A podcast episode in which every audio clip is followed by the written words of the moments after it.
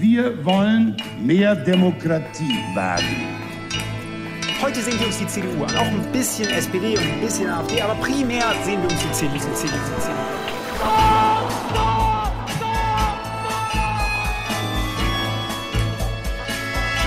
Niemand hat die Absicht, eine Mauer zu errichten. Ich weiß, ich habe heute Morgen in den Spiegel geguckt und dachte, jetzt sind die hotte Bitch. Werden schon in wenigen Jahren blühende Landschaften, blühende Landschaften geworden sein. Früher waren wir Lametta. Wir haben so vieles geschafft, wir schaffen das.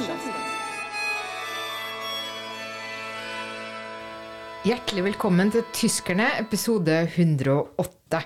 I studio sitter jeg, Ingrid Brekke, og selvfølgelig også Kai Schwind, hallo. Vi har jo ikke snakka så mye om korona hos oss, men nå føler vi at det passer seg sånn.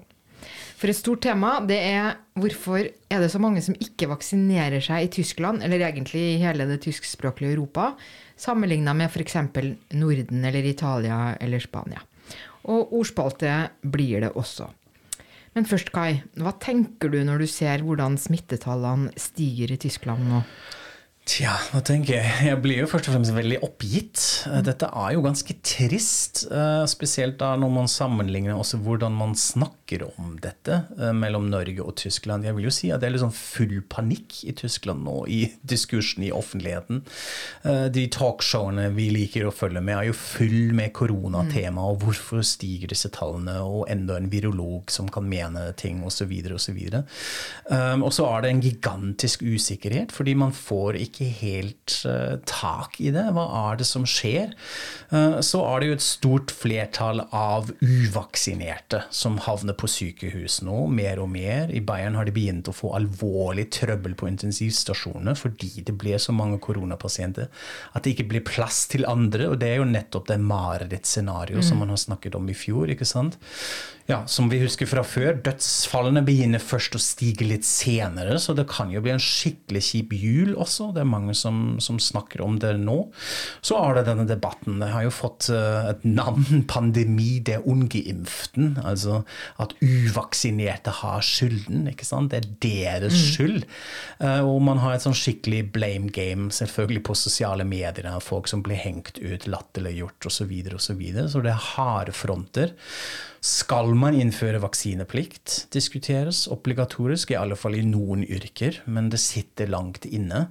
Og som et sånn fasit vil jeg kanskje si altså det vi ser nå, er også at politikken har ikke fulgt opp temaet under valgkampen. Ikke sant? Det ble ikke snakk, man turte ikke å touche temaet korona. Eh, Og nå sitter man med konsekvensene. Ja.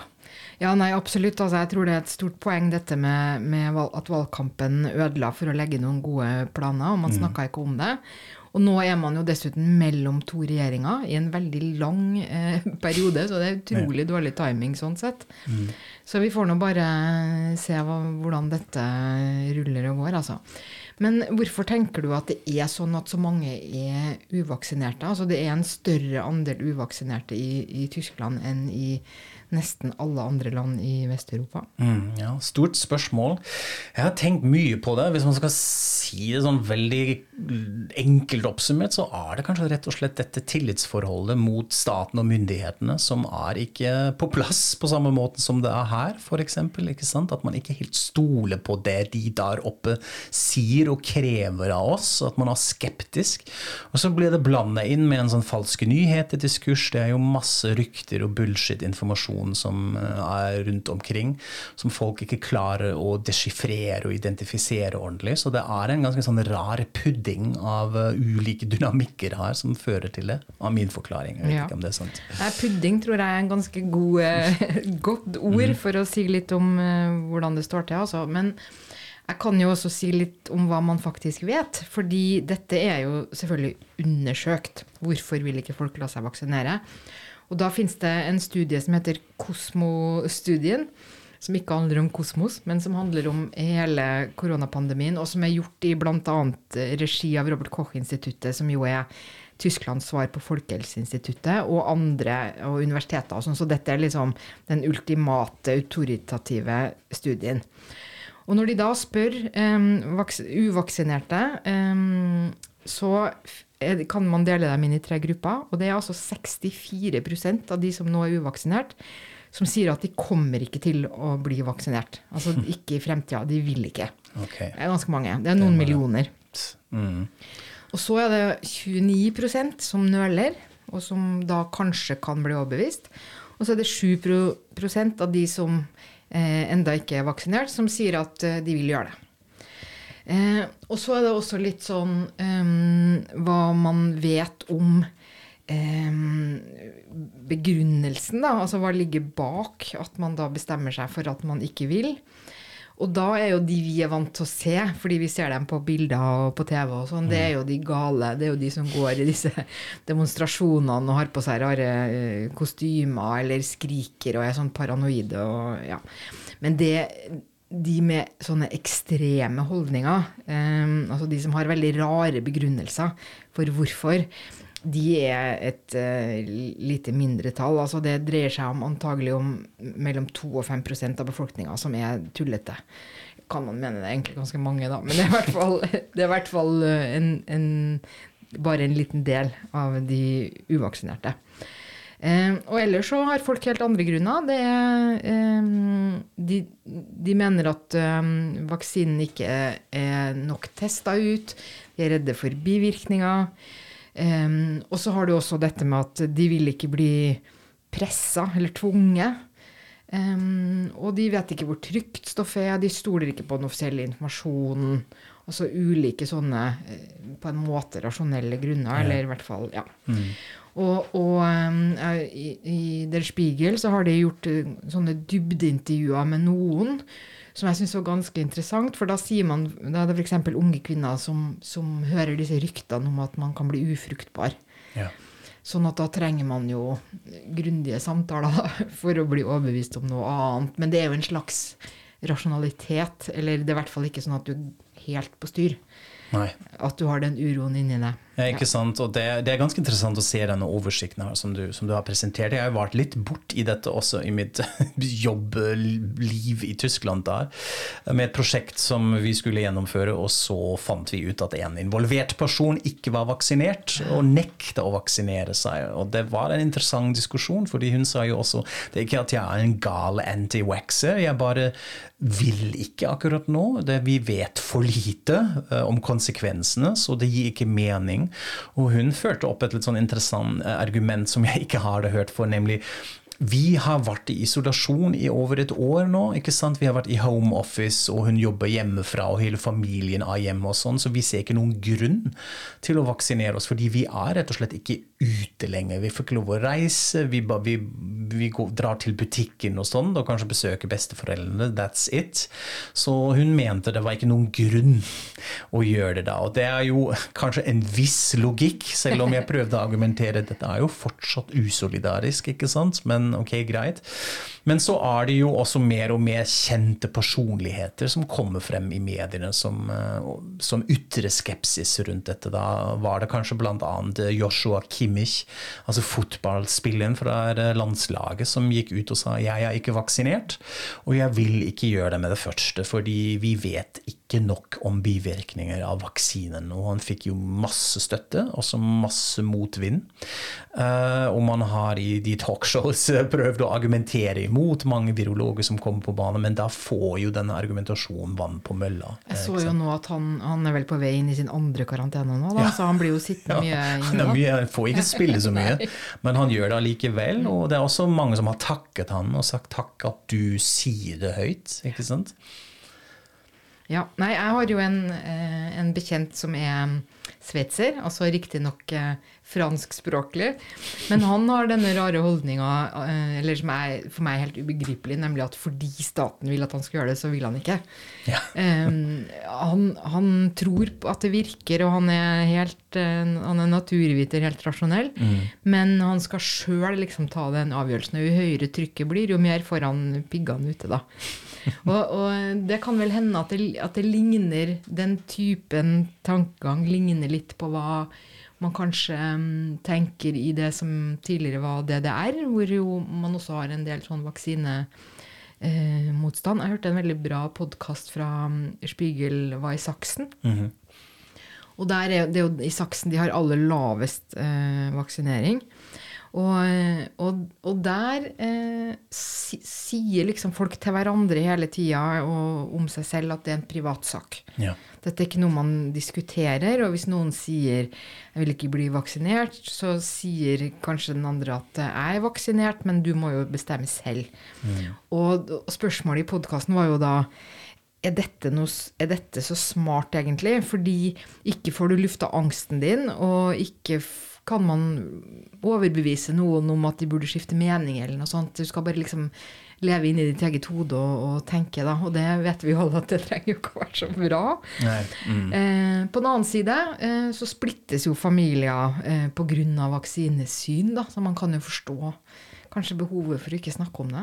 Ja, og det er ganske konkret det òg. Jeg har flere venner faktisk som har rett og slett brudd med noen familiemedlemmer fordi dette er et tema. Man kan ikke skjønne hvorfor i all verden vil du ikke vaksinere seg, og så føler de andre seg litt sånn undertrykt osv. Det er ikke lov å si noen ting lenger, det diskuteres litt i bak, eh, i bakgrunnen av ytringsfrihet og kanselleringskultur og sånn, så det eskalerer jo litt sånn ut av diskursen nesten her. Så det er et konkret problem, absolutt. ja. Og så diskuteres det jo også da om det har eh, kulturelle årsaker. og Ja. Da eh, så jeg at eh, det ble eh, Jeg leste at eh, det har vært vaksinemotstand så lenge det har funtes vaksiner. Og et, et eksempel var jo at da keiserriket i 1874 bestemte at det var, skulle være vaksineplikt mot kopper, så kom det motstand med en gang, og et tidsskrift som het Der Impfgegner, altså vaksinemotstanderen. Så dette er gamle, gode greier. Og, og, og, og en annen sånn kulturell argumentasjon går jo ut på at det handler om at alternativ medisin står så sterkt i Tyskland. Og antroposofien, Rudolf Steiner og sånn. Og da kan vi jo nevne en artikkel eh, som vi fikk av en eh, trofast lytter. Eh, en, en fra Bloomberg som handla om home, homeopatien. Du er ikke alene, Ingrid. Ingen i Tyskland klarer å uttale det ordet ved første forsøk. Veldig bra. Homopatiens sterke posisjon. Triks er alltid å snakke litt fort. Litt sånn mumle bortfort. bort. Ja, veldig bra. Mm. -hmm. Ja. Homopatiens sterke posisjon i eh, Tyskland. Um, og at dette er I Bloomberg-artikkelen så beskriver de den voldsomme lobbypresset det har vært i de siste tiårene eh, fra eh, disse folka. Og, er, og de har jo oppnådd at de har refusjonsordning fra det offentlige. Altså du kan gå og få penger tilbake på sykekasse og sånn for homopatisk eh, eh, behandling. Og en del leger kaller seg da heilpraktiker, eller er det. Eh, noe som Det ordet handler vel om at du gjerne vil eh, behandle hele mennesket, altså både kropp og sjel, og da byr du på akupunktur og massasje og homopati og forskjellig. Em, og dette er jo, for nordmenn er jo dette kjempecorny. Og i denne Bloomberg-artikkelen så står det jo også eh, beskrevet hvordan Dette har jo vært store debatter, ikke sant? Fordi man vet jo at homopati ikke virker. Dette har mange studier belagt. Men så sent som i 2019 så sa jo da helseminister Jens Spahn at fordi det var såpass liten del av det offentlige helsebudsjettet, så var det greit eh, sånn som det var nå. Ja, jeg syns også det var eh, helt utrolig å høre om det. Jeg synes Det er en veldig bra artikkel, vi må lenke til den på Ja. Facebook, så dere kan, kan lese den.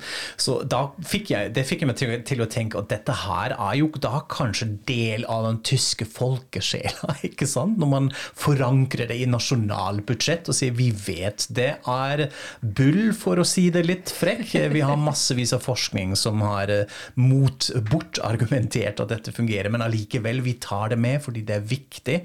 Det fikk meg til å tenke på, eh, nå, nå drar det kanskje litt langt, litt sånn hvorfor er det noe sånn spesifikt tysk med dette her? Hvorfor sitter det sånn i folkesjela, i systemet?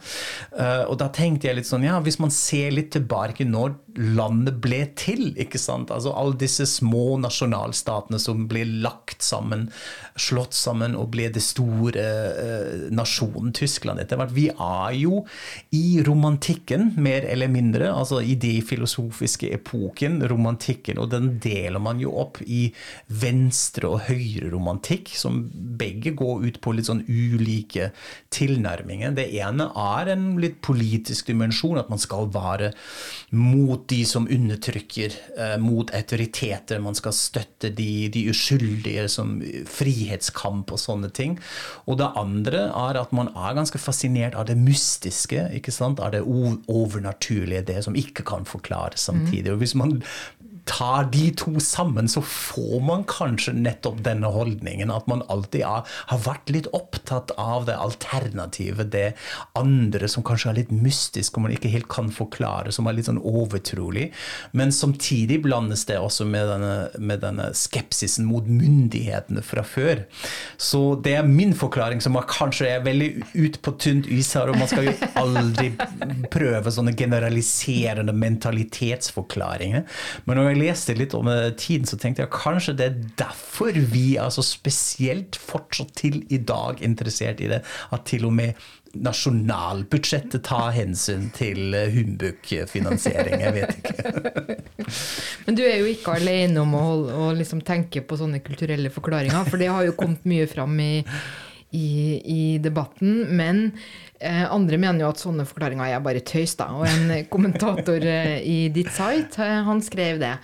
At eh, denne vaksine Altså det at så mange er uvaksinerte, det har eh, mange veldig eh, enkle, praktiske forklaringer. Et eksempel er at både vi i Norge og f.eks. Spania, som ligger skyhøyt på vaksinasjonsstatistikken, vi har fått timer til vaksinering rett inn på mobilen vår. Eh, og da er det mye andre, da er det helt annerledes. Da må du liksom aktivt nekte å ta den. Mens i Tyskland eh, så har det vært kjempekomplisert eh, i perioder å få en vaksinetime, og de har hatt vaksinesentre skulle gjøre det, legen skulle gjøre det, og så ble vaksinesentrene bygd ned, nå skal de kanskje bygges opp. Og du, du har liksom ansvar for dette sjøl, og det kan jo også koke litt bort i kålen, kanskje, særlig hvis du er litt yngre og ikke så veldig redd for deg selv. Em, og i tillegg har du all, alt dette med føderalstaten og disse informasjonsnivåene, og hvem skal bestemme hva. Og det er jo mye av det som, som man ser nå, ikke sant? Det er der- denne følelsen av kaos. Ja. Fordi når regjeringa ikke tar grep, sentralregjeringa, så, så håper man liksom at kanskje at delstatene skal gjøre det, og så gjør ikke delstatene, for det er upopulære ting, så ingen vil liksom gjøre det.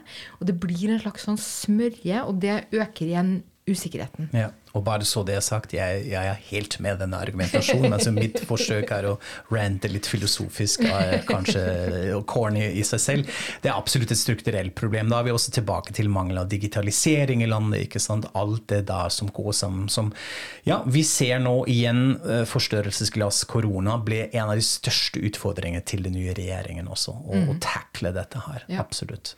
Så når de kommer, så får vi jo se hva som skjer. Altså, det var jo også sånn corny ting som skjedde, at såkalte epidemische lag, lag Epidemische lage von nasjonaler tragweite, som det heter. Altså den, det at man erklærte at det er en eh, epidemisk eh, En epidemi som pågår, som gir myndighetene ekstra fullmakter Ja. til å sette i gang raske tiltak og sånne ting. Den har de bestemt, det er over 25. november. Ehm, så det har jo også fått masse kritikk. Hvorfor slutter man dette nå når det er midt i nye eh, smitteeksplosjoner?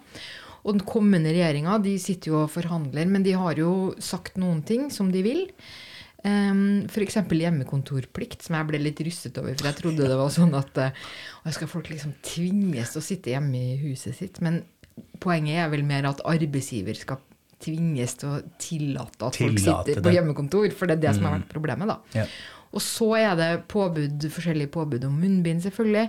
Og så er det strenge 3G-regler. Og du, Kai, du er jo tysk, du må forklare dette 3G-2G-greiene. Hva betyr det? Ja, Det syns jeg er veldig viktig. Det er en viktig service her, fordi dette er jo så forvirrende eh, fra, sett fra et norsk perspektiv. Man tror 3G, snakker de om mobildekning, eller hva handler dette om her?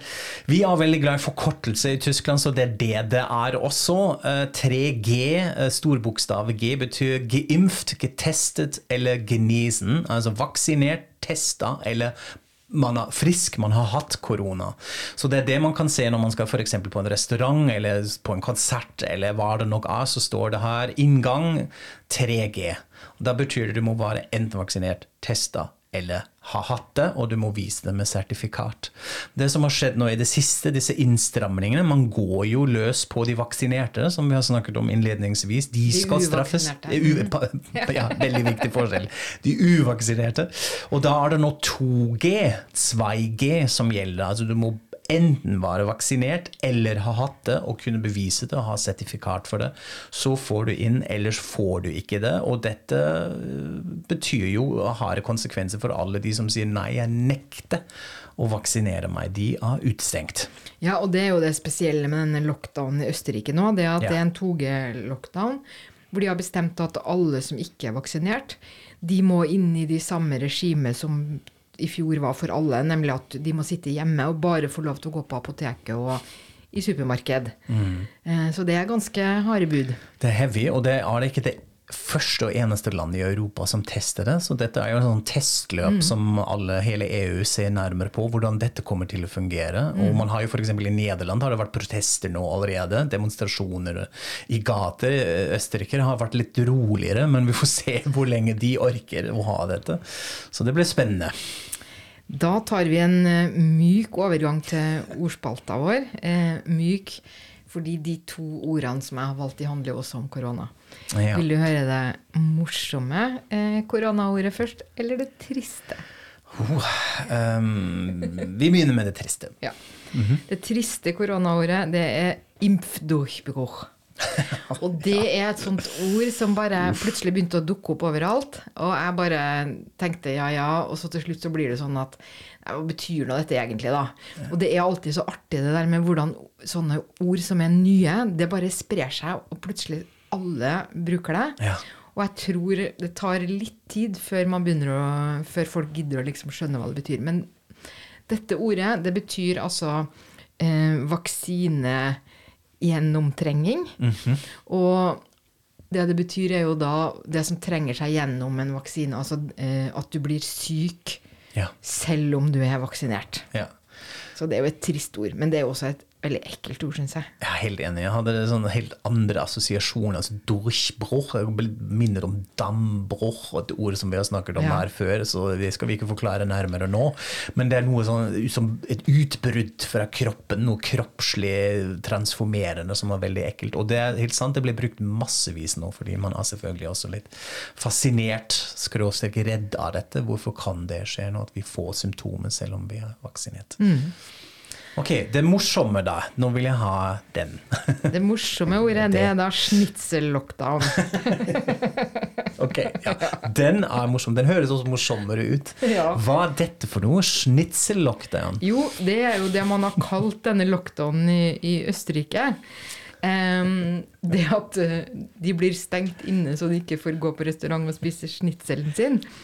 Eh, altså disse som ikke er vaksinerte. Og, det, og det, det som, grunnen til at jeg valgte ordet, det er jo også altså ja, det er artig, men det er også det at det er litt sånn dette er sånn, Det er bare tyske medier som bruker det. Ja. Det er en slags nedlatende, litt sånn lillebror gjør narr av Østerrike-opplegg. Ja. Og østerrikerne sjøl, de kaller det altså ikke schnitzel. Nei, det er helt sant. Det er en tydelig diss mot Østerrike fra, fra Tyskland. Jeg, jeg må si Første gang jeg hørte det, hadde jeg en helt annen assosiasjon. hvor jeg tenkte oi, så hyggelig. Man blir låst inn med mange schnitzler.